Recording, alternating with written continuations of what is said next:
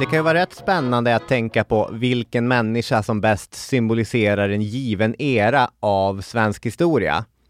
För under nästan hela 15 och 1600-talen så känns det svårt att se bortom kungarna. Gustav Vasa, riksbyggaren, brevskrivaren och tja, tyrannen månne. Kanske spränger vi in en rikskansler där någonstans, Axel Oxenstierna, ämbetsmannastaten och förvaltningen. Men annars va, Gustav II Adolf, Karl X Gustav, Karl XI och Karl XII, krig, stormakt och slutligen envälde. Men frihetstiden, den utgör trendbrottet där va? Är det på riktigt någon som tycker att Fredrik den förste är den bästa symbolen för detta Sverige? Inte heller hattarnas eller mössornas mer namnkunniga representanter känns rätt va? Det måste vara Carl von Linné. I akademiernas, vetenskapens och nyttans tidevarv är det blomsterkungens gestalt man ser framför ögonen. Prydlig peruk, snett, lite försiktigt leende, fraser som inleds på svenska men avslutas på latin. Linné är Linné. Men Linné var inte alltid Linné, utan Linné blev Linné. Och en avgörande episod i hur detta gick till, det är den forskningsresa han som 25-åring tog sig för. Den gick till en plats som fortfarande låg bortom vetenskapen, i fullständig barbari för att tala med Linnés egna ord. Han begav sig till Norrland. Linnés lappländska resa 1732 och de många skrifter den kom att resultera i möjliggjorde på många sätt Linnés fortsatta karriär. Och dagboken Iter Laponicum har blivit en klassiker inom svensk litteratur. Och såväl litteraturvetare som botaniker, som etnologer, som historiker har återkommande under århundradena satt tänderna i Linnés ord. Så knyt kängorna ordentligt, på med mygghatten, för nu ska vi tillsammans med Carl von Linné bege oss ut på översvämmad myrmark. Vi ska till Lappland.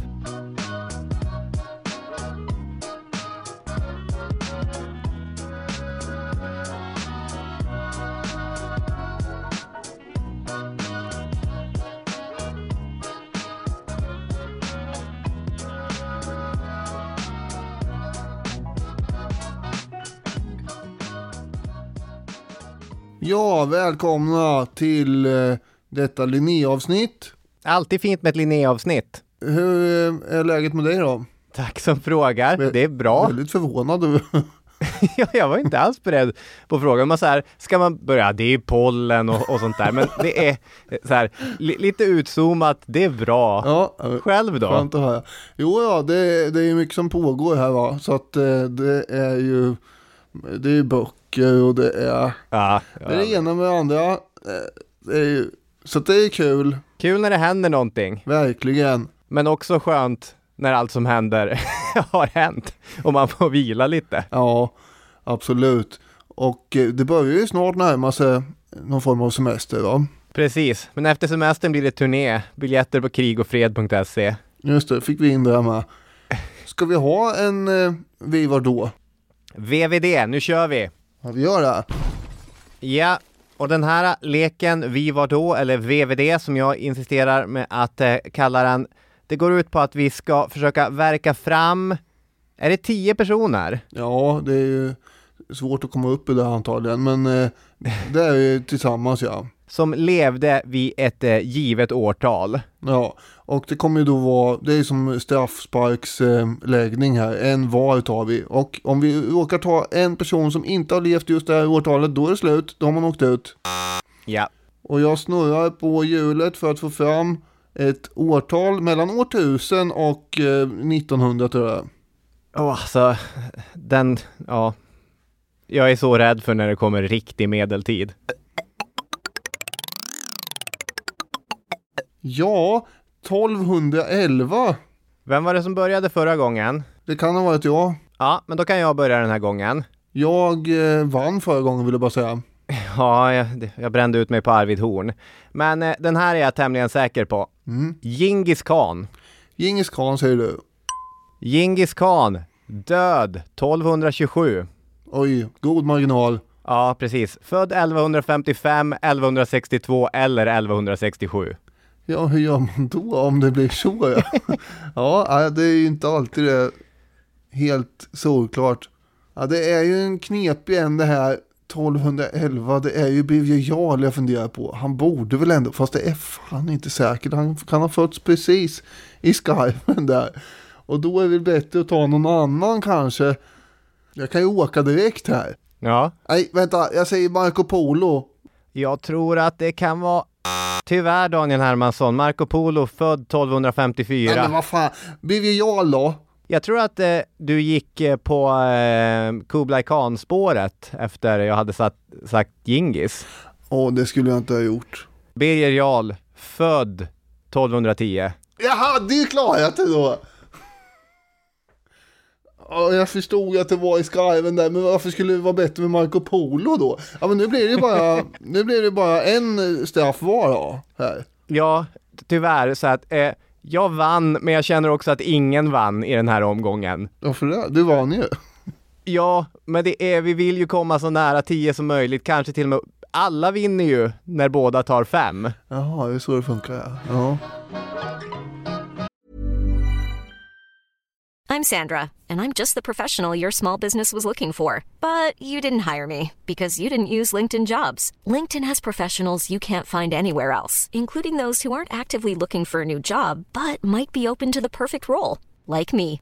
In a given month, over 70% of LinkedIn users don't visit other leading job sites. So if you're not looking on LinkedIn, you'll miss out on great candidates like Sandra. Start hiring professionals like a professional. Post your free job on linkedin.com/people today.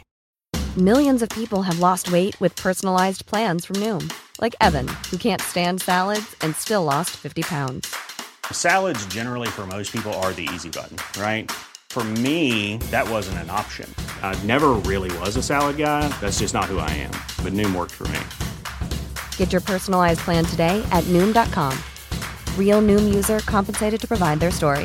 In four weeks, the typical Noom user can expect to lose one to two pounds per week. Individual results may vary. Nice. Yeah. What you're hearing are the sounds of people everywhere putting on Bombas socks, underwear, and t-shirts made from absurdly soft materials that feel like plush clouds. Yeah, that plush. And the best part? For every item you purchase, Bombas donates another to someone facing homelessness. Bombas. Big comfort for everyone. Go to bombas.com slash ACAST and use code ACAST for 20% off your first purchase. That's bombas.com slash ACAST. Code ACAST.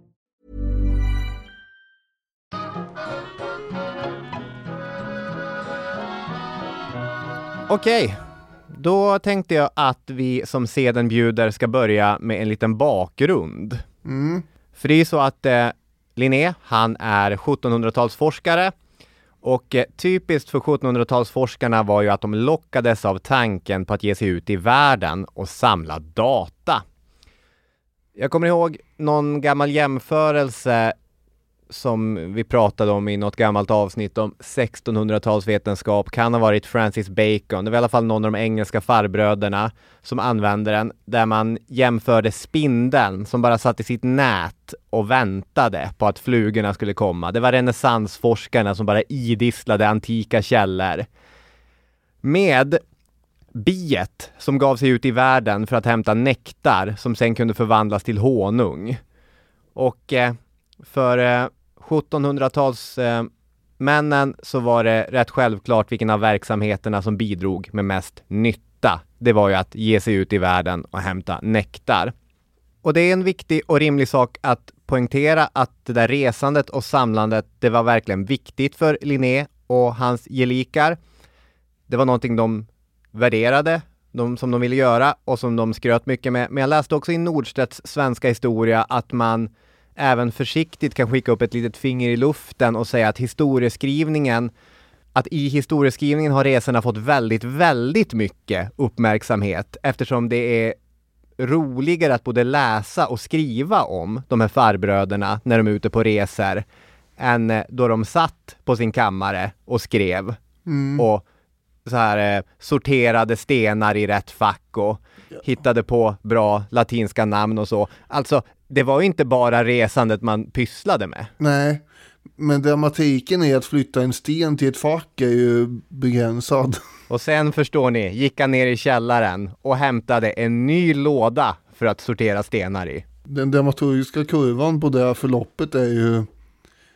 Ja, det är ju inte som man baxnar. Nej. Men resorna kunde göra en karriär, vilket man i alla fall delvis får säga att den här resan som Linné gör kommer att... Eh, det kommer hjälpa honom mycket på vägen. Och just Norrland erbjöd en unik möjlighet för 1700-talets forskare. Sverker Sörlin skriver om det i uppsatsen Guldet från Norden. Ja, han levde ju inte då. Nej, han, han lever ju idag, Ja. idéhistorikern Sverker det. Ja, under 1700-talet och under upplysningen, då tror man ju att människan kan skapa bättre världar. Det är den nyttiga och den praktiska vetenskapens eh, gyllene era. Man tittar på någonting och tänker, det där är jordbruket, det kan bli bättre. Den där sågklingan, kan man inte göra tänderna vassare och finare? Jo, det kan man. Och eh, den där växten där, borde inte den bytas ut mot någon som inte är så fruktansvärt känslig för torka och kyla? Kan man röka den? kan man röka den. Exakt så. Ja, men den här bättre världen, den var ju lättare att tänka sig på de platser som inte drogs med en massa feodala kvarlever. Och här blir Amerika och Afrika lockande. Europa i sig, det är så otroligt bekant. Ja, men om jag citerar Sörlin. Det var knappast tänkbart att Salomos diamantgruvor skulle påträffas utanför London eller Paris. Nej. Nej, det här var ju ställen man kände och ställen som, ja det gick förbättra, men det var rätt mycket gammalt medeltida groll som behövde sopas bort för att man skulle kunna förbättra. Det var, det var tufft, det var motsträviga bönder som ville göra som de alltid hade gjort och det var olika politiker och ämbetsmän som eh, inte ville förändra bara för sakens skull. Men någon annanstans, på en annan kontinent, då kanske det gick. Och i Norrland, det fanns en plats som A. inte hade samma feodala arv som många andra delar av Europa och B. för de människor som inte var samer eller norrländsk bondebefolkning var helt okänt. Där fanns en annan värld. Där fanns någonting att utforska och någonting att upptäcka. Så Norrland tickade enormt många boxar för frihetstidens vetenskapsmän. Ja, men eh, man hade ju ändå forskat eh, en smula lite grann på Norrland även föregående sekel. Eller forskat, en och annan forskare hade varit där. Mm. En av de som eh, skrev om eh, Norrland var ju Johannes Schefferus 1673. Han var dock inte där. Utan eh, han hade då baserat sina uppgifter från fogdar och missionärer och så som hade varit där. Men, men han hade ju sammanställt eh, det här verket då. Laponia från 1673, e- ett riktigt storverk. Ja, Schefferus är som en blandning mellan den här spindeln och eh, det nyttiga biet. Han sitter i sitt nät och så låter han eh, Magnus Gabriel de la Gardie, rikskanslern, liksom samla in information till honom som sen det flyger ut små bin och hälsar på olika präster och, och liknande som bor i Norrland. Så sen kan han läsa vad de har skrivit och sammanställa det på vacker latin i det här praktverket. Är det inte väldigt mycket så som Linné också gör sen egentligen? Jo, när Linné blir lite mer bekväm i sin position Ja. så är det i mycket, mycket stor utsträckning så han Det är jobbar. inte han som åker runt i världen utan han skickar ut sina bin som sen kommer hem med grejer till en.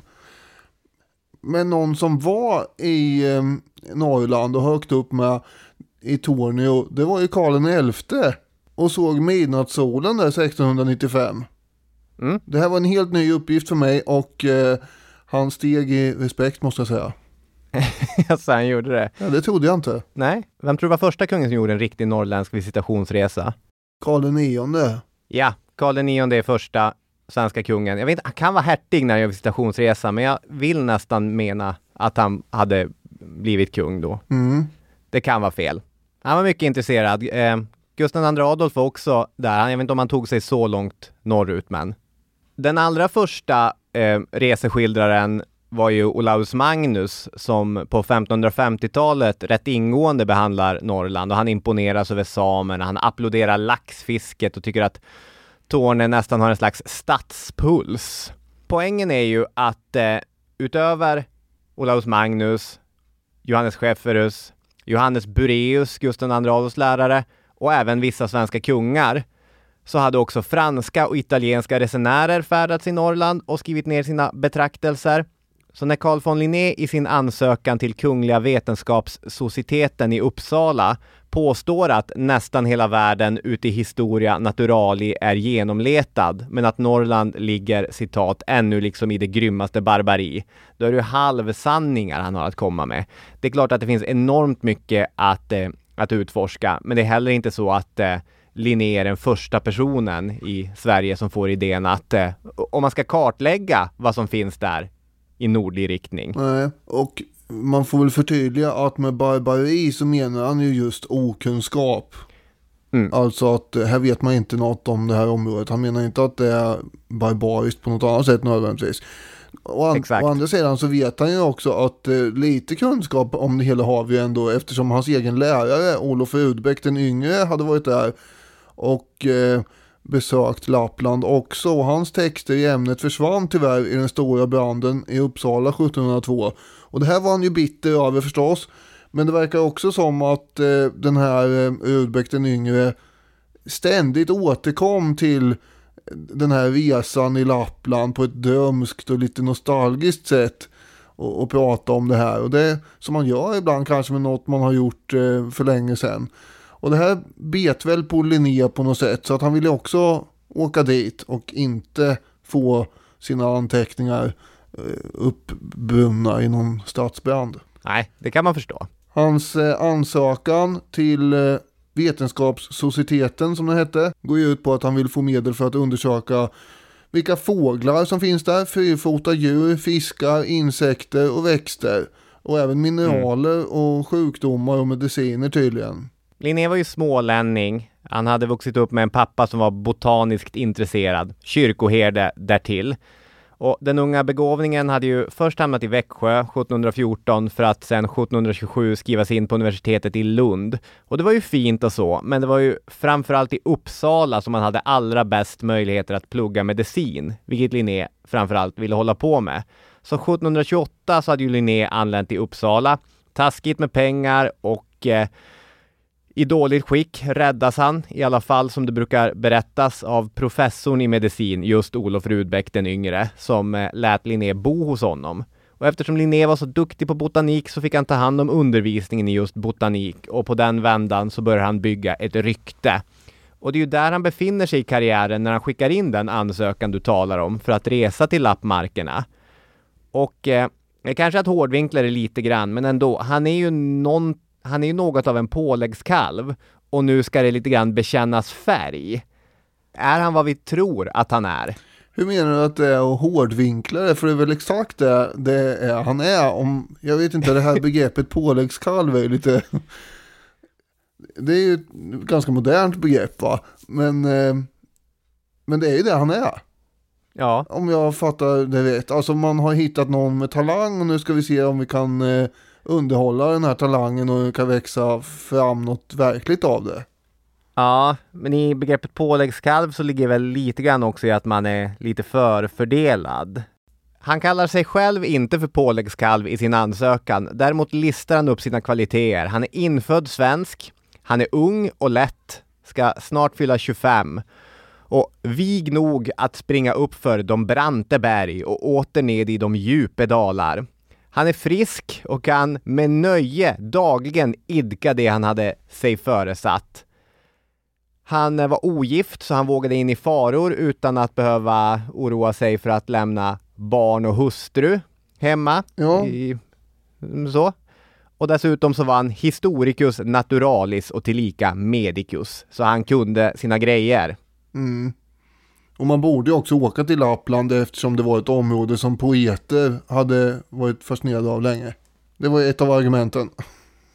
Ja, så är det. Förvisso så erkänner han att han inte är någon vidare tecknare, vilket är ett minus. Det är, man måste ju ändå i en ansökan säga att jag, jag är inte Guds gåva till mänskligheten, men jag har ganska många plus. Så satsa på mig. Mm.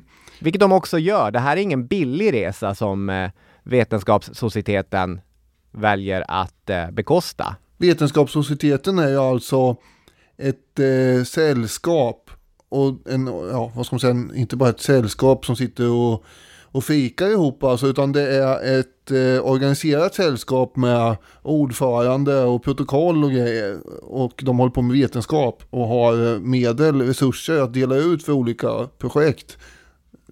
Då är ni med på vad det här är för gäng. Sen kommer det här utvecklas då kan man säga till eh, akademier under 1700-talet. Exakt så.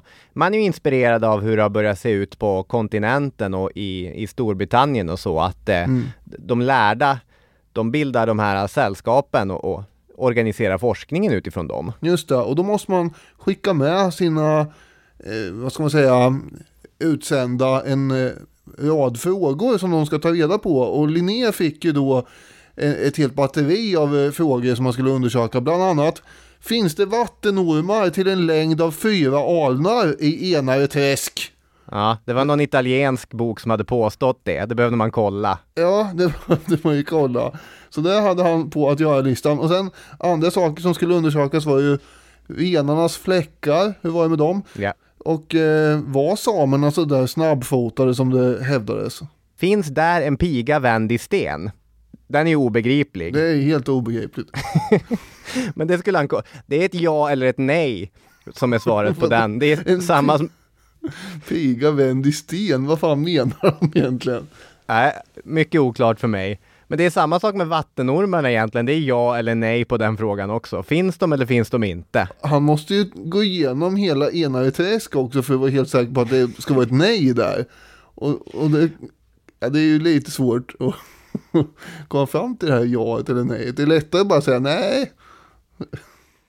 Ja. Ja men det är ju fascinerande att de här kloka Uppsala farbröderna, så många frågor är så triviala. Ja, men för dem var det ju inte det. I och för sig. Här, här gällde det ju att ta reda på fakta om saker och ting som inte riktigt visste men hade hört Nej. talas om. Ja, en piga vänd i sten, absolut. Linné han var i alla fall väldigt glad över det här, att han skulle få åka. Men hans mamma var lite orolig och eh, så över att han skulle åka till trollens värld.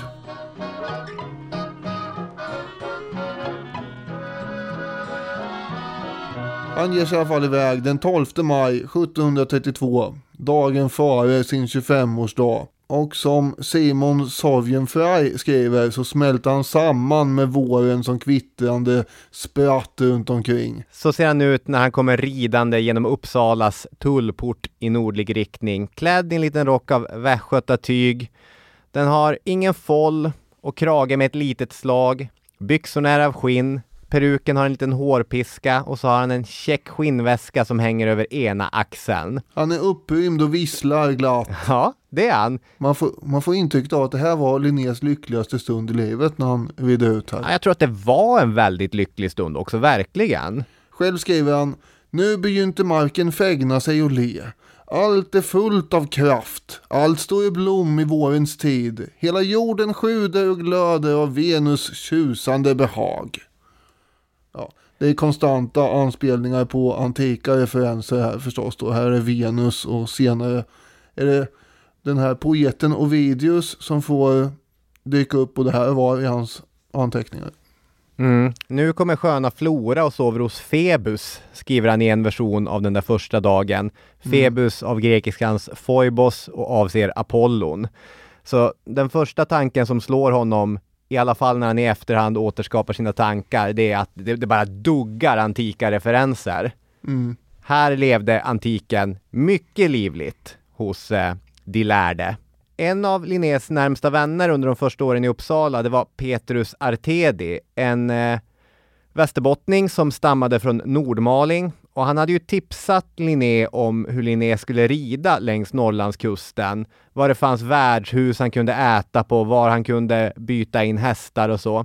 Tyvärr har ju Linné inte råd med någon inackordering på de här värdshusen utan han kommer ju behöva sova på olika prästgårdar som han passerar.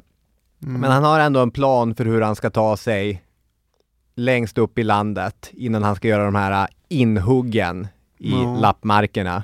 I Lucky Luke-tidningar så finns det ju sådana här städer i vilda västern där med skyltar som anger att eh, det här är sista stan före vildmarken typ. Just det. Och eh, kanske kunde man ha satt upp en sån skylt i Gävle om man ska tro Dag Alander som skriver I Gävle fanns den sista provinsialläkaren och det sista apoteket. Snart började vildmarken med forsande älvar. Ängarna blev färre och bergen flera. Det blev glesare mellan gårdarna och skogarna djupnade. Det blev kallare. Nu har det ju hänt en del sen 1700-talet, det förstår jag med, men det är ändå en fängslande tanke att du och jag har träffats vid den forna civilisationsgränsen 2010 för första gången. Jag håller ju inte med Alander om den här Nähä. beskrivningen. Nej. Det är ju klart att eh, städerna längs Norrlandskusten var små och eh, inte gick att jämföra med de städerna som fanns eh, i södra Sverige, söder om, om Gävle. Men alltså Linné skryter ju upp till exempel Gammelstan i Luleå och tycker att det här är ett riktigt trevligt och härligt ställe. Så jag vill lite grann säga att Alander överdriver den här civilisatoriska gränsen. Ja, jag tycker nog att eh, det, det är fascinerande att du, du kommer då nerramlande från den här gudsförgätna vildmarken ner till Gävle. Och jag kommer upp till Gävle från anrika slottsbygder och civilisatoriskt uppodlade marker. Och så träffas vi där eh, i Gävle då. Och eh, från helt olika bakgrund. Det är fascinerande. Det fanns ju tre stycken städer som hela tiden i 1700-talets riksdagar motsatte sig att eh, de norrländska städerna skulle få fri rätt till att segla, eh, både till hamnar i, i Sverige förutom Stockholm men även eh, eh, hamnar i utlandet. Och det var ju då Stockholm, det kan man förstå, det är liksom borgerskapet där. Jag börjar ana vart det här är på väg. Sen var det Västervik, om jag inte missminner mig, och sen var det Söderköping. Ja, nej men vad Så fan. Vad ska de hålla på och åka för? Det är väl bättre. Ja, nej. Så, så där har vi liksom Stockholm och Söderköping som eh, tillsammans verkar för att eh, behålla den koloniala ordningen mellan de svenska städerna. till Söderköpings försvar så är de ju också väldigt emot allt jämt att folk ska kunna passera överhuvudtaget. Söderut. Ja, Ja. Eller, eller norrut för en del. Just det, man ska stanna i Söderköping. Och det är väldigt fint i Söderköping, så varför skulle man inte göra det? Ja, förutom antiken då, som Linné är marinerad i, det märkte vi när han reste från Uppsala, så är han också, skriver Gunnar Broberg, ledande Linné-expert. Och eh, saligt var hans minne vill jag påstå. Jag har lite dåligt track record med sådana här utspel, men jag tror att han rätt nyligen är avliden. Utmärkt vetenskapshistoriker, Gunnar Broberg. Broberg ja, ja nej, det har jag kollat upp för jag litar inte på det längre när det gäller sådana här gubbar som dör eller inte dör. Ja. Så eh, jag törs sticka ut hakan och säga att 2021 så tog han ner skylten Broberg. Och Broberg poängterar ju att eh, Linné utöver det här antika arvet också är, är påtagligt eh, präglad av götiska idéer, den här gamla idén om att svenskarna kommer från folkvandringstidens ostrogoter och så sen spann man massa olika berättelser om den stolta historia som man hade. Göticismen hade en massa olika idéer och några av dem kommer vi märka när vi tar oss in i Linnés olika beskrivningar från Norrland och eh, från lappmarkerna. Det är antiken och göticismen som han har i sin lilla axelväska. Och en plunta brännvin. Linné har i olika sammanhang påstått en hel del olika saker om hur han egentligen reste. Delvis beror det här på att han måste redovisa sina företag för att få ersättning. Men delvis beror det också kanske på den helt genommänskliga vanan att man avrundar uppåt. Det vi vet är att den i själva verket reser längs Norrlandskusten och vid Umeå-trakten så gör han ett misslyckat infall i den södra fjällvärlden. Det kommer vi till. Han återvänder sen till kusten och beger sig norrut till Luleå. Och den gången lyckades han när han reste in i landet, tog sig till Jokkmokk, sen vidare mot Kvikkjokk, sneddade ner till Ishavskusten och vände tillbaka till Luleå, rundade Bottenviken in i Österbotten, ner till Åbo, sen Åland och sen är han tillbaka i Uppsala. Och i dagboken så avhandlas etapp för etapp. I Gästrikland gläds han åt hur landshövding och folket tillsammans bygger upp rikets infrastruktur. I det behagliga vädret lyssnar han på skrönor om träd som är förbannade av häxor. Eller så lyssnar han till gökens sång. I Hälsingland ser han blodröda stenar i Ljusnans vatten. Han ser Iggesunds järnbruk och för första gången under resan träffar han på samer. I Medelpad låter han meddela att här ser det ut som Hälsingland, men det är något hyggligare att bebo. Det är ju fint för Medelpad att höra. Ångermanland då, Norrlands Flandern. Här ser han Ångermanälven, som han menar är salt. Sen vandrar han i Skuleberget. Så in i Västerbotten, där han lite sorgset noterar att den lilla staden Umeå ej hunnit repa sig från de rysshärjningar som där ägde rum 10-12 år tidigare. Och så kommer vi till berättelsens allra mest kända episod. Jag säger det på det sättet, men jag har också förståelse för att även de kändaste delarna i Linnés Lapplandsresa kanske inte är så kända i, i breda folklager. Nej, det tror jag faktiskt inte. Nej. Men nu ska han bege sig ut i myrmark under vårflod. Hey, it's Danny Pellegrino from Everything Iconic. Ready to upgrade your style game without blowing your budget? Check out Quince. They've got all the good stuff shirts and polos, activewear, and fine leather goods, all at 50 to 80% less than other high end brands. And the best part? They're all about safe, ethical, and responsible manufacturing. Get that luxury vibe without the luxury price tag. Hit up quince.com slash upgrade for free shipping and 365 day returns on your next order. That's quince.com slash upgrade. Hiring for your small business? If you're not looking for professionals on LinkedIn, you're looking in the wrong place. That's like looking for your car keys in a fish tank. LinkedIn helps you hire professionals you can't find anywhere else, even those who aren't actively searching for a new job but might be open to the perfect role. In a given month, over 70% of LinkedIn users don't even visit other leading job sites. So start looking in the right place. With LinkedIn, you can hire professionals like a professional. Post your free job on linkedin.com slash people today. Millions of people have lost weight with personalized plans from Noom, like Evan, who can't stand salads and still lost 50 pounds. Salads, generally, for most people, are the easy button, right? For me, that wasn't an option. I never really was a salad guy. That's just not who I am. But Noom worked for me. Get your personalized plan today at Noom.com.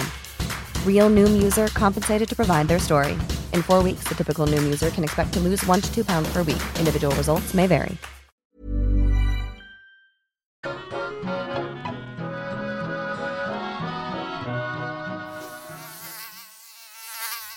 Och han är ju så arg på de här myggen. Om man bara kunde befria Lappland från mygg så skulle man bli en rik man, säger han och sådär. Ja. Angående det så uppger ju Broberg att det på norska sidan finns en skylt, vad jag förstår idag också då, där det står Vår Herre skapade myggen fortrinnsvis i nordliga områden för att fjällområdena icke skulle konkurrera med paradiset. Just det. Ja, eh, jag vet inte om det hur mycket sanning det ligger i det här, men det är myggen som gör att det inte är ett paradis. Ja, det är en återkommande grej i många reseberättelser från eh, norra Sverige under den här perioden. Folk tycker att myggen är jobbiga. För att de är jobbiga. Då svärmar myggorna som aldrig de gjort förr Och vi får rusa snabbt mot första bästa dörr Ja, de är det va? Ja, jo. Eh, Det är mycket gnäll eh, på Linné. Han är också rätt jobbig. Som en fyraåring håller han på och frågar de två samer som han har med sig på resan. Den ena bär en båt och den andra är en tolk.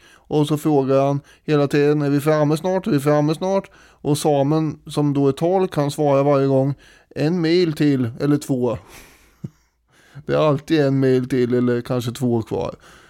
Och han svettas och han kämpar sig fram genom den här myren och sjunker ner hela tiden med kängorna i iskallt vatten. Och, och de här två samerna de, de skuttar fram där mellan stockar och stenar och sjunker aldrig ner minsann. Och Nej. Får man säga att han har begett sig in i landet först i riktning mot Lycksele, vilket har gått bra, och sen går han i riktning mot Sorsele och det är där det börjar bli riktigt tufft. Det är där fyraåringen Linné kommer fram. Ja, det, är, det är bra med lite geografiska hållpunkter här. Han har ju använt sin ungdom och vighet som ett argument mot Vetenskapssocieteten för att få göra den här resan. Men den verkar bortblåst. De brantaste berg och de djupaste dalar. Ja, det står ju i hans CV att han ska klara det här. Men det gör han inte. Och Alander skriver så fortsatte Karl att streta i flera dagar på sin vandring till samebyn. Marken gungade under honom. Det var ständigt samma bottenlösa myr runt omkring. Det var vårsmältning och högvatten. Vi måste ha gått vilse, tänkte Karl och tittade upp. Så fort han stannade sjönk han ner i myrens bruna vatten. Regnet strilade oavbrutet. Hur han än gjorde kom han på efterkälken. De två samerna var alltid långt framför honom och vinkade. Överallt såg det likadant ut. Myren sträckte sig miltals framför dem. Och när de kom till en fors sen så undrade han, vart är vi nu någonstans? Vi är framme snart. Och då svarade tolken att det hette Lyxmyren. Och då ska Linnea ha muttrat för sig själv, Olycksmyren. Och eh, det är ju där det kallas då vad jag förstår det. Ja, Olycksmyren är ju hans ord. Lyxamyren skulle den heta om du tog fram en karta Jaha, och eh, försökte ta reda på den. ja, okej så det är fortfarande det. Mm. Ja, så är det. Jag vet inte, Storuman kanske är närmsta halvbekanta ort om man ska placera det här på en karta. Han är egentligen mitt ute i verkligen ingenstans. Och även om man nog idag skulle kunna höra Europaväg 45 från där han fastnade, så skulle jag nog ändå vilja hävda att om det skedde idag så skulle han ändå vara rätt mycket i ingenstans. Mm. han är ju trött och hungrig och blöt och eh, den här forsen, det är ju för mycket, för mycket forsande ström här för att eh, åka med den där båten som de har tagit med. Så man måste ju försöka ta sig över ändå på något sätt. Och det var ju stökigt och han ångrar hela expeditionen nästan. Och till slut så lyckas han väl kravla sig upp på andra sidan. Och nu kommer han stöta på en gammal samegumma. Han skriver, jag tror aldrig att poeten så nätt avbildat en furia som icke denna bättre henne representerade. Att man ej utan orsak måste tro att hon var kommen från Styx. Hon såg ut helt liten. Ansiktet var helt svartbrunt av rök, ögonen bruna, lysandes, ögonbrynen svarta, håret helt becksvart, omkring huvudet nedslaget. Härpå satt en röd platt mössa. Kjorteln var grå och i bröstet, som såg ut likt grodoskinn, hängde långa slanka bruna pattar. Men mässingmaljor stod omkring. Omkring sinus hade hon en gördel, på fötterna kängor. Jag blev rädd av hennes första åskådande. Mm, ja. Broberg, han tycker då att det här låter som en litterär text. Mm. Och eh, det är det väl också på något sätt. Linnea har ju då gett det här mötet med den här gumman någon form av mytisk ram. För att markera en gräns till någon ny och okänd värld kan man säga. Och han använder eh, troget de här eh, antika referenserna som Styx. Styx var ju då en, en flod i dödsriket där man kunde då passera och eh, med hjälp av den här färgkaren och sådär. Ja. hos Hades och allt det där. Det är en gränsmarkering. Ja, precis. Broberg, han tolkar in en hel del i det här och ser ju då Vergilius skildring av den gamla Sibyllan i Cumae. En eh, gammal orakeltant i en italiensk stad. Då. Jag tror att här, här spinner Broberg loss lite mycket kanske. Men ändå, det är ju det är något här som är, det är ju en gräns han vill få fram Linnea. Och vi får komma ihåg hans egen bakgrund här. Hans lärare Rudbeck den yngre hade ju på samma sätt gjort ett stort nummer av att han passerade Älvkarleby i närheten av Gävle. Mm. Rudbeck var ju väldigt intresserad av eh, etymologi, alltså ords ursprung. Och det hör man ju, det har ju vem som helst, att Älvkarleby, det, det kommer ju då från färgkaren Älvkaron, han som då kör den här båten över floden Styx egentligen, mellan de dödas och levandes rike. Det är ju det, är det som är Älvkarleby. Ja. Det är ju målgruppsanpassning sånt här. Ja, det kan man säga. Och Linnea skriver ju också, nu har jag fått nog av den här färden. Aldrig kan prästerna så beskriva helvetet som detta. Jag har genomströvat under jorden. Ja. För att göra då ytterligare en passning till den här eh, gränsmarkeringen. Ja. Och helvetet och Hades och alltihop. Det är ju svårt att läsa Linnés dagbok. För, eh, ja men, Furian som han då kallar henne, en furia, det var en romersk hämndgudinna av något slag. Tilltalar ju honom och säger O du stackars kar, vad är det för en svår ödes villkor har drivit dig hit, dit ingen för vågat sig. Jag har ännu ej sett främmat. Du stackars kar, hur har du kommit hit, eller vad vill du?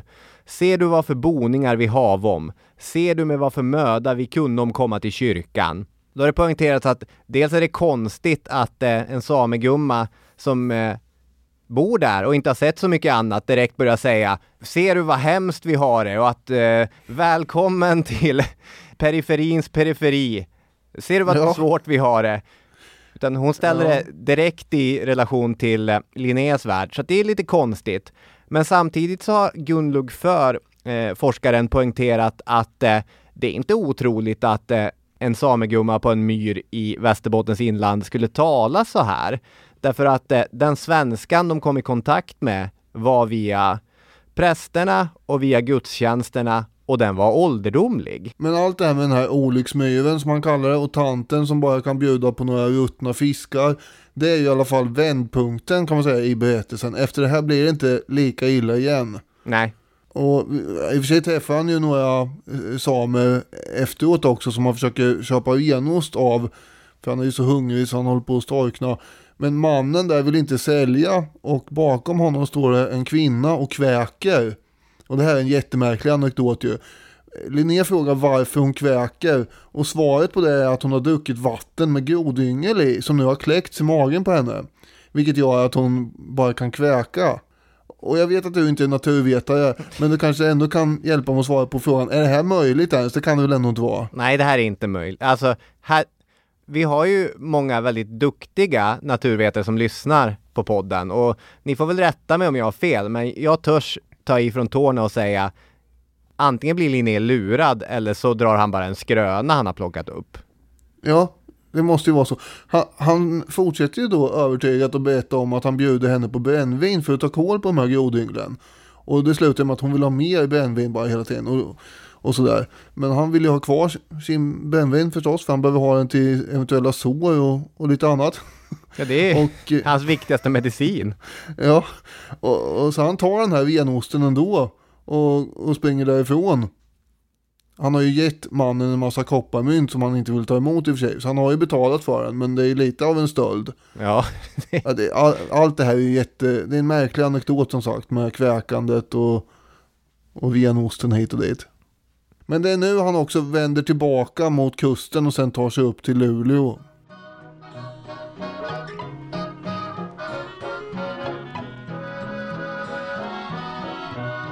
Han tar sig alltså till samebyarna i norra Lappmarken. Och eh, man får ju säga att han förälskar sig i landskapen och människornas kultur här. ja. Och den här förälskelsen kan man säga börjar när han kommer ut ur de djupa och oändliga skogarna och tar sig upp på fjället. Mm. Och han skriver, där mötte jag för första gången en helt ny värld och när jag kom upp i den visste jag inte om jag var i Asien eller Afrika. Jag hade kommit upp i fjällen. Och han blir helt tagen av alla blommor och fjäll och samebyar och det är midnattssol och mesmör och det är ju fantastiskt alltihop. Precis, han hade ju inte kunnat föreställa sig hur eh, otroligt vacker den norra fjällvärlden var, utan man hade varit övertygad om att den södra fjällvärlden, den som man inte tog sig till, var den prunkande och, och, och den vackra. Så att det här, det är nästan att det, det blir inte en överraskning för honom. Samtidigt är det lite grann som, jag tror det är Broberg som påpekar att hans eh, humör verkar ju, och inställning till eh, Lappland verkar ju pendla väldigt mycket mellan himmel och helvete beroende på vädret så att säga, som påverkar humöret. Ja, men det tycker jag är en helt riktig beskrivning av landsändan. Jag känner igen det. Att Ja, okej, en ja. vacker sommardag så tänker man, finns det någon bättre plats än denna? Men när det är riktigt skitväder och mygg och svidan och allt vad det nu är, då är det fruktansvärt. Linné skriver, detta är ett mirakel, vilka utlänningar skulle inte vilja se detta? Så snart jag kom på fjällen fick jag liksom ett nytt liv igen och det var som om en stor börda tagits av mig. Det är hälsosamt att resa hit. Kanske handlar det om att ha lugn och ro i själen. Här finns inte något kiv, inte det minsta bekymmer, inte heller för pengar. Det är så hälsosamt och stärkande i fjällen och över vidderna man tydligt hör Och det här citatet för ju in ändå på det som jag tänkte vi skulle prata om här vartefter, nämligen hans idealisering av Lappland och livet generellt. Vad är det man nästan ska ha ut av livet? Det är väl det Mm. han på något sätt börjar fundera över här. Vad är en sund livsstil?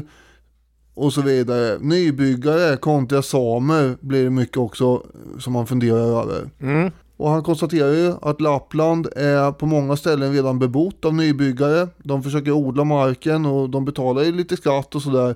Men inga andra avgifter egentligen. Och de lever till exempel på fiske, vilket sker då på samernas marker. Och det är han upprörd över. Han är upprörd över att nybyggarna varken betalar tillräckligt med skatt till staten eller till samerna vars fiskevatten det här är.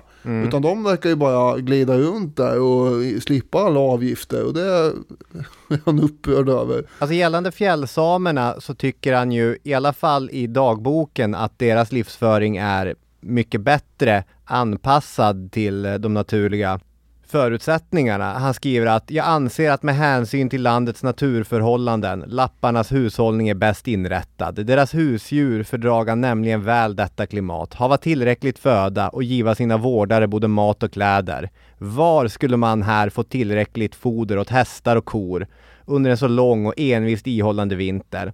Var skulle man här kunna försöka så i ett land som alltid är utsatt för frost? Nybyggarna kunna visserligen livnära sig, men om de ej av lapparna genom varuutbyte samt genom fiske ur vattnet och jakt i skogarna kunde bereda sig säkrare vinst än genom sitt åkerbruk, vågar jag påstå att de skulle föra det allra uslaste liv. Så som du säger, han tycker inte att eh, nybyggarna har speciellt bra förutsättningar här. Det är inga bra liv eh, som eh, de får och dessutom så inkräktar de på samernas näringar och eh, levnadssätt. Och samerna vågar inte fiska i sina egna vatten längre då, säger han också, för att eh, nybyggarna förstör deras nät då. Och när de klagar hos häradshövdingen, alltså, då händer ingenting. Eh, och istället så sa de till Linné att om bara kungen visste eh, vad som pågick, ja då skulle han, citat, ej tålat. Och eh, det är ju som någon historiker påpekar möjligt att de betraktar Linné som en representant för överheten förstås, Just det samerna. Berätta det här för kungen sen. Exakt, det är väl där de kanske tänker att han kan göra. Kan man gå via Linné här på något sätt? Ett väldigt intressant stopp i dagboken och eh, någonting som är besläktat med det vi pratar om nu, det är ju när han är i Jokkmokk. För det är ju intressant ändå att eh, det är 1730-tal och det är fortfarande så att eh, den svenska samiska befolkningen ägnar sig åt hednisk religion. Många av dem är kvar i den traditionella samiska religionen. Det här har Linné inte ett ont ord att eh, säga om. Utan det är bara positiva hejarop till de här härliga, om än lite naiva samerna. Däremot så blir han ju enormt irriterad på Svenska kyrkans representanter i Jokkmokk. För svenska kronan så hade du ju allt sedan Karl IX var det en utmaning att hitta bra kyrkfolk som kunde tänka sig att faktiskt bo i lappmarken. De flesta ville inte. Det var avskuret, det var myggigt och, och allt sånt. Så allt som oftast så bosatte man sig vid kusten och gjorde resor in i landet istället.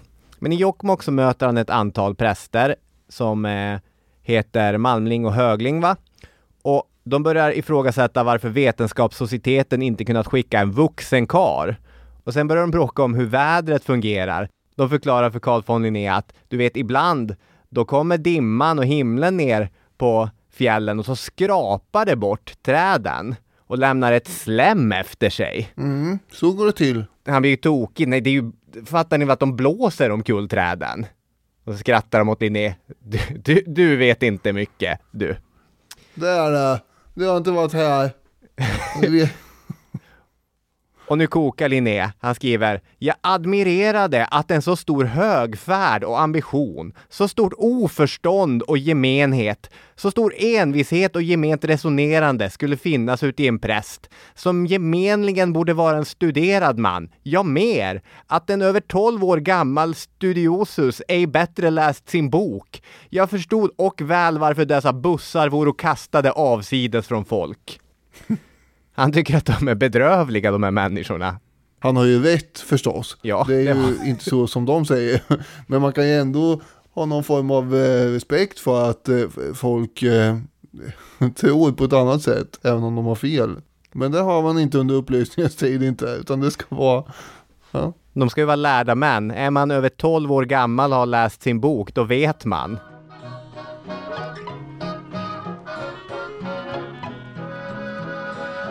Men han har ju däremot eh, respekt för samerna och eh, egentligen han föredrar ju dem framför de här nybyggarna. Men han förstår ju också att deras tid håller på att vinna ut kan man säga. Han skriver Nybyggarna bosätter sig var de vill och det råder inget tvivel om att hela lappmarken kommer att bli bondbyggd, slår han fast. Det här får en att tänka lite grann på amerikanernas Manifest Destiny ju. Mm. Det amerikanska folkets öde var att kolonisera hela kontinenten. Och samerna hade kanske lika små möjligheter att hävda sig som indianerna i Nordamerika hade egentligen i längden. Är det svenskarnas Manifest Destiny att nå upp till ishavet? På samma sätt som amerikanerna skulle ta sig till Stilla havet. Alltså på ganska många sätt så är det ju en, en hjälpsam jämförelse att göra eh, med Amerika och eh, den norra rikshalvan. Men man ska heller inte ta det där för långt och tro att det är precis eh, detsamma och att den här Nej. idén att det var ett, ett oundvikligt öde var lika stark här. Men det finns ju paralleller, absolut. Det nämndes också uttryckligen i debatten. Han hade ju som sagt fått en massa uppgifter med sig av eh, Vetenskapssocieteten och ta reda på frågor då om samerna. Allt från hur de flätade korgar och gjorde pilbågar till hur de räknade dagar. Och om det var så att deras fötter var annorlunda skapta. och de här frågorna visar ju lite grann hur lite man visste om samerna med. Han eh, kan ju konstatera att samernas glädje, friskhet och harmoniska liv det beror på deras kultur och natur. Och han skriver de klär sig klokt, äter och dricker klokt, umgås klokt, arbetar och vilar klokt och har dessutom frisk luft och vackra omgivningar. Särskilt intressant information från Linnés resa kan man hitta i ett manus som han skrev som heter Diaeta Naturalis. Mm. Vilket han aldrig gav ut visserligen och det kan man förstå för det hade inte hjälpt hans karriär något. Men texten gicks igenom av en Linné-expert som hette Arvid Uggla på 1900-talet och publicerades 1958. Och eh, då skriver han alltså Linné om hur man på bästa sätt kan få ett långt liv som är friskt och harmoniskt och allt det där.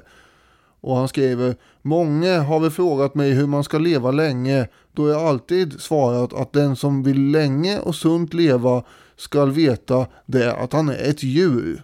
Man ska leva så naturligt som möjligt, som om man vore ett djur då, tycker han. Vilket han menar att samerna gör.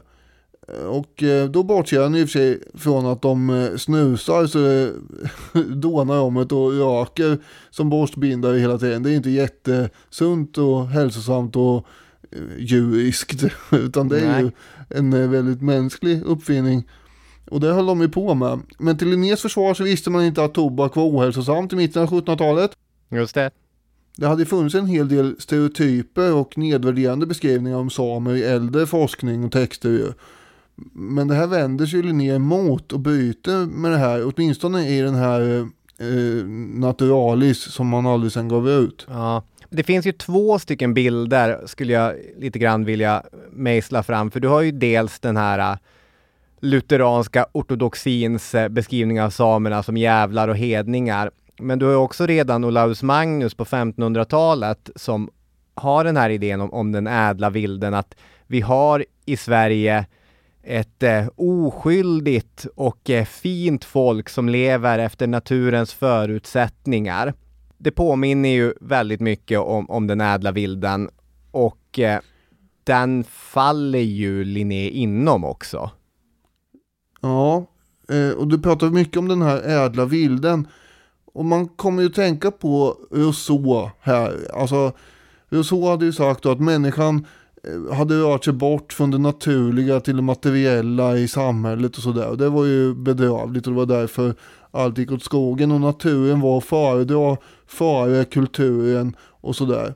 Men eh, Rousseau kom ju efter Linné. Mm. Ä- även om eh, Magnus, Olaus Magnus kommer före. Men vi har ju alltså emellan Olaus Magnus och Linné så har vi en engelsman som heter John Dryden och det är han som myntar begreppet den ädle vilden. Så det var ju känt på Linnés tid. Just det. Och, och eh, jag tror att han menar det han säger, alltså att han skulle gärna ha fått som en fjällapp om han bara hade fått vänja sig vid kylan som barn och sådär. Eh, och, och tyckte nog att det var väldigt mysigt. Men eh, det finns ju, som du säger också, en, eh, en tanke som har funnits rätt länge om att det här är ett det finns oskyldiga folk som eh, lever i samklang med naturen. Bara man bortser från det här att de röker och grejer och, och allt det där. Ja men det är ju den ena synen i den debatt som pågår i Spanien efter man har upptäckt eh, de amerikanska mm. kontinenterna. Är det här hedningar och jävlar eller är det ett eh, oskyldigt folk som lever som vore det fortfarande paradiset? Ja, och det, det är i sin tur Columbus och hans tids idéer om eh, om det här paradistänkandet, det är ju sånt som går tillbaka på antikens myter om forna guldåldrar och, och så vidare. Just förstås. Det. Så att ingen är ju först med något nästan. Samtidigt då som han eh, tycker genuint tror jag att det är en sund och naturlig livsstil de har samerna i jämförelse med den han kommer ifrån så hugger han ju också ner väldigt hårt på den franska kulturen som har sipprat in och tagit över det mesta i Europa och medfört all den här stelheten och onaturligheten som man går runt och har. Här har ni en poäng. Det är extremt stelbent i 1700-talets societetsliv. Det är kläder som sitter åt och det är kravatter som ger strypkänslor och allt är totalt onödigt och fåfängt, fånigt och, och så vidare. Och Linné jämför ju det här med samernas praktiska och funktionella kläder. Han låter nästan som en sosse i början av 90-talet. Saker och ting ska fungera och vara praktiskt, funktionellt. Han sitter ju försjunken i lugn harmoni och betraktar hur samernas enkla liv tickar på där uppe på fjället. Och eh, han noterar ju just det att det är som ett besök i paradiset. Mm, så är det ju. Och att samerna är, lever fritt som fågeln i luften och allt sånt här. Men om vi ska fortsätta med antika referenser då. Här är han ju Tacitus, eller Tacitus om man så vill då, som sitter och tänker på germanerna. Men inte bara utifrån hur germanerna är och hur germanerna lever, utan också lite grann utifrån perspektivet hur han önskade att romarna levde. Vi har mm. förlorat mm. någonting, men titta på germanerna, de har det fortfarande. Och det är precis samma perspektiv som Linné lägger på samerna här, liksom att vi går här i våra kravatter och, och stärkta kragar och det, det, är obehagligt och kliar. De är bekvämt mm. klädda. Mer sånt borde vi hålla på med. Ja, det här kan man ju tycka förstås. ja, det kan alltså, man. Det är, ju, det är ju sant att det är kanske en onödig stelbent kulturell fernissa eller vad man ska säga som har uppstått både i Sverige då med inspiration från Frankrike här på 1700-talet och i romarriket på den där tiden. Det är väl lättare att bara gå runt i ett getskinn eller något slängt över axeln. ja, jag vet inte. Eller blir man barbar då? Nej, man kan väl vara eh, hur civiliserad som helst i ett getskinn. Det är, jag vill inte ha något sånt sagt. Jag tycker bara att, eh, jag vet inte, jag tycker att Linné är svår att förhålla sig till här. För allt det här mm. som du säger, det, det är ju sant och, och riktigt. Och därför så har han ju i delar av Linnéforskningen lyfts fram som en, en samernas vän och så. Men så fort han kommer hem till Uppsala efter resan så börjar han ju också liksom skissa fram en massa ekonomiska planer på hur man kan göra lappmarkerna mer nyttiga och inkomstbringande för staten också. Att här finns ett land som bättre skulle kunna brukas han skriver till Västerbottens eh, landshövding Gabriel Gyllengrip, också en person med ambitiösa idéer om vad man skulle kunna göra med, med sågblad och porslinsfabriker och allt vad Gyllengrip nu ville se byggas. Linné säger åt Gyllengrip att se till att plantera strandråg vart helst det går att plantera strandråg. Men du kan inte bara säga åt äh, bönderna och så, för de kommer aldrig lyssna, de är så bakåtsträvande, utan du måste hårt hålla i tyglarna här och styra din befolkning, då kommer det gå vägen. Och Gyllengrip han söker pengar hos Kommerskollegium men får nej på, på den punkten. Mm. Och det där var ju direkt efter resan, det kanske kan tyckas vara lite så här sansat att eh, botanikern Linné kommer med lite exempel på köldhärdiga växter som man kan mala mjöl på. Men med tiden så blir han ju mer och mer modig också. 22 år efter resan sätter han sig ner och skriver en mer omfattande och, och täckande plan för hur Norrland ska bli mer lönsamt. Han säger att med lite experimenterande så kommer vi nog hitta växter som kan klara sig i fjällvärlden.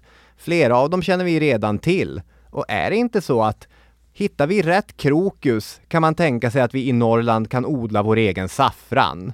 Och är det inte så, frågar han sig, att vi ska kunna odla pärlmusslor i alla dessa vattendrag och så har vi tillgång till en massa fina pärlor.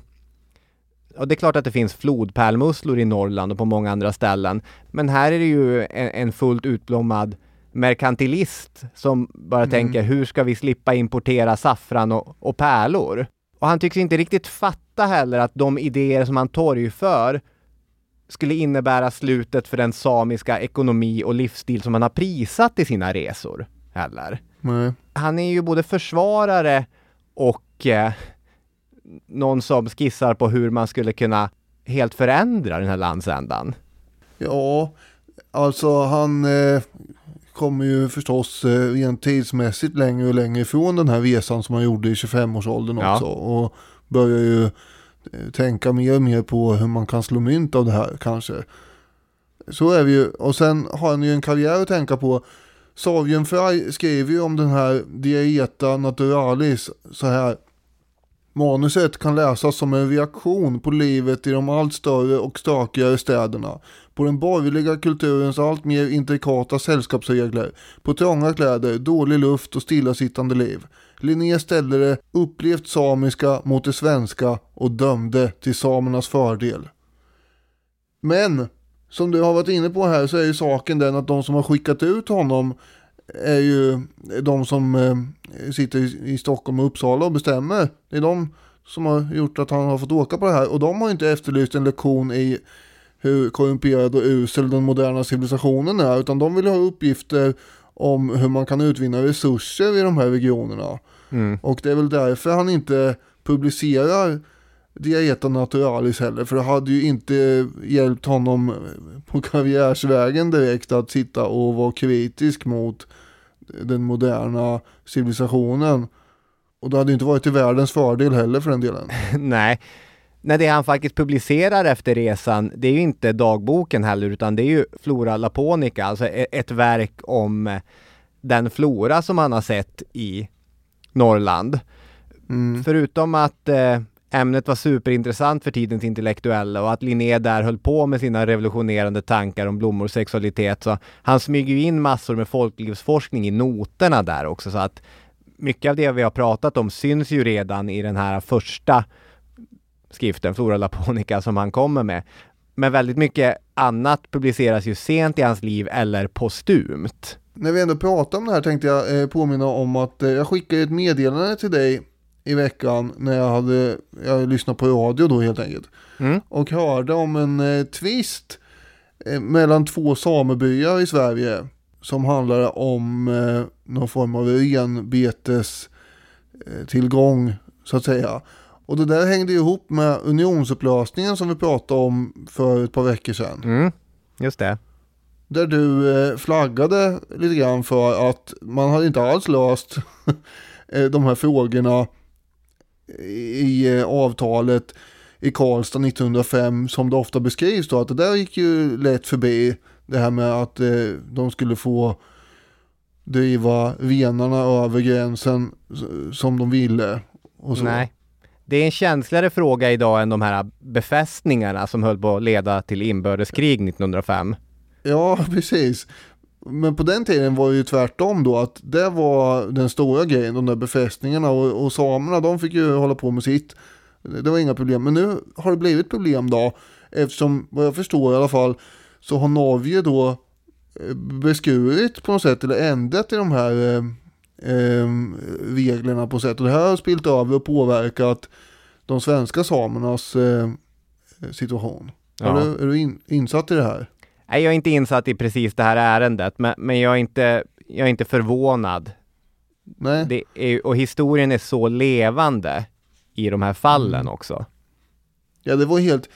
Det kändes lite konstigt att eh, höra om det här just när man har då avhandlat eh, frågan om renbetesmarkerna i ett avsnitt som eh, handlar om 1905. Ja.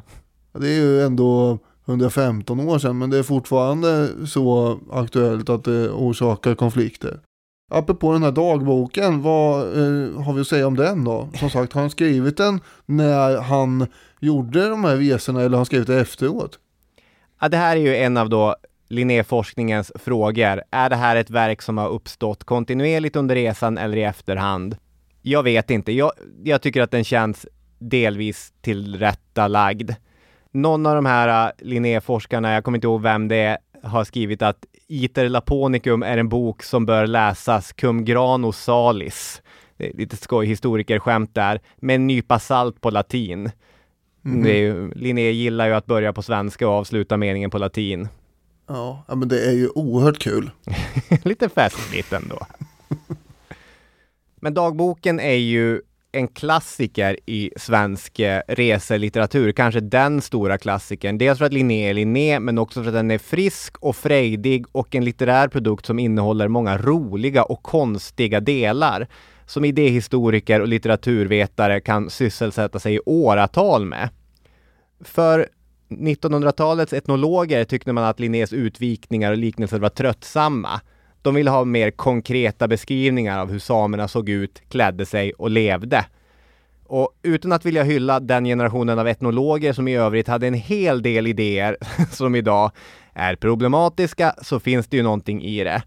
Att vi behandlar Linnés skrifter som vetenskap för att han är en stor vetenskapsman. Men det här är ju skönlitterärt på många sätt.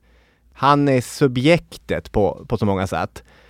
Och eh, jag läste ett intressant blogginlägg av språkprofessorn Daniel Andersson. Det handlar om en annan Norrlandsresa som skedde 1827, alltså nästan 100 år efter Linné. Då var det en eh, före detta ryttmästare i armén som tillsammans med två franska adelsmän träffade missionären Petrus Lestadius i Arjeplog. Och det som är unikt och intressant med den här berättelsen, det är att både ryttmästaren, som alltså var besökare i den här äh, miljön, och missionären, som bodde, alltså var hemmahörande i den här miljön, beskrev samma resa, samma fjällbestigning. Så man kan uppleva den här äh, synen utifrån två olika perspektiv. Och Lestadius, den lokala talangen, skriver jag ville föra herrarna till den översta kammen av fjället, varifrån man har utsikt både norrut och söderut. De, som tyckte sig trötta av dagens mödor, tyckte att det började bli långt. Men jag var ihärdig och vann målet. De blev också rätt nöjda med sin möda när de kom och fram. I ett ögonblick höjde sig den nordliga världen med sina majestätiska fjällar och mötte våra ögon. Fransmännen utbröst då Voilà un vue de Suisse, c'est charmant. Här en vy som i Schweiz. Charmant. Det är stora ord. Ja. Ryttmästaren skriver Här är naturen allvarlig, vild och vemodig. Här har civilisationen ännu ej satt några spår. Ty man ser sällan några antydningar om mänskligt liv i dessa ödemarker. Denna omätliga ensamhet och åsynen av den storartade naturen, denna dödstystnad, allt gjorde ett obeskrivligt melankoliskt intryck på oss alla. Vi försjönk och alla i dyster och stillatigande åskådan och var och en skyggade för att bryta tystnaden. Det var inga glädjerop över hur charmant schweiziskt det såg ut enligt honom, utan alla blev melankoliskt ledsna över att man inte såg något tecken på mänsklig civilisation någonstans. Och källor är ju vad källor är och man ska alltid vara tacksam över att ha berättelser. Men man ska också komma ihåg någonting om hur perspektiv påverkar och förändrar vad du ser och hur du beskriver det. Och liksom Linnés beskrivning av lappmarken, eftersom han är Linné och eftersom den är så bra talande, den har för väldigt många styrt synen av de här delarna av Sverige under 1700-talets första hälft. Men det är bara en Uppsala farbror och hur han upplever det. ja, så är det ju i och för sig. Från en farbror till en annan. Vad säger Grimberg?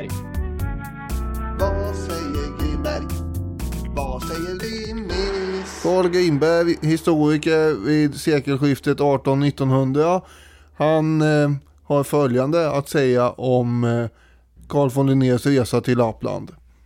Linnéus anteckningar från Lappland är emellertid inte bara roliga utan har även stort värde för vetenskapen. Han gav nu sin samtid en sådan mängd nya kunskaper att man måste med häpnad fråga sig hur var det möjligt för en person med Linnaeus knapphändiga utrustning att ta sig fram i dessa väldiga ödemarker och att under alla ansträngningar och faror ha intresse nog för att göra så rikhaltiga anteckningar. Med tanke på mången överstående livsfara slutar han dessa anteckningar med orden Alla väsendens herre var i lov, pris och ära i evigheten.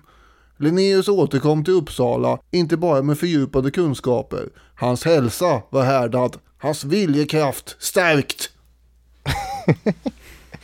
Hur är det möjligt Daniel? Hur kan en man ta sig fram med guider i det här området där det har bott människor i tusentals år?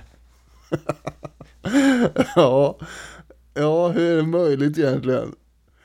Ja, nu är vi lite nedlåtande. Alltså, han, är ju, han har ju inte bott i det här området så att det är lite svårare för honom. Men jag vet inte vad, ja, hur ska man tolka Grimberg här? Han, det, han, jag tror han sätter sig själv i Linnés skor. Ja, det gör han. Han, han är imponerad. Ja, han är imponerad och tänker inte på att det har bott folk där i tusentals år. ja, det här var i alla fall vad Grimberg hade att säga i korthet. Utmärkt Grimberg citat. Trevligt avsnitt, skönt att få hänga med Linné och eh, slå en och annan mygga. Precis, och eh, tack för att ni har lyssnat. Så hörs vi om en vecka. Det gör vi. Hej då med er! Hej hej!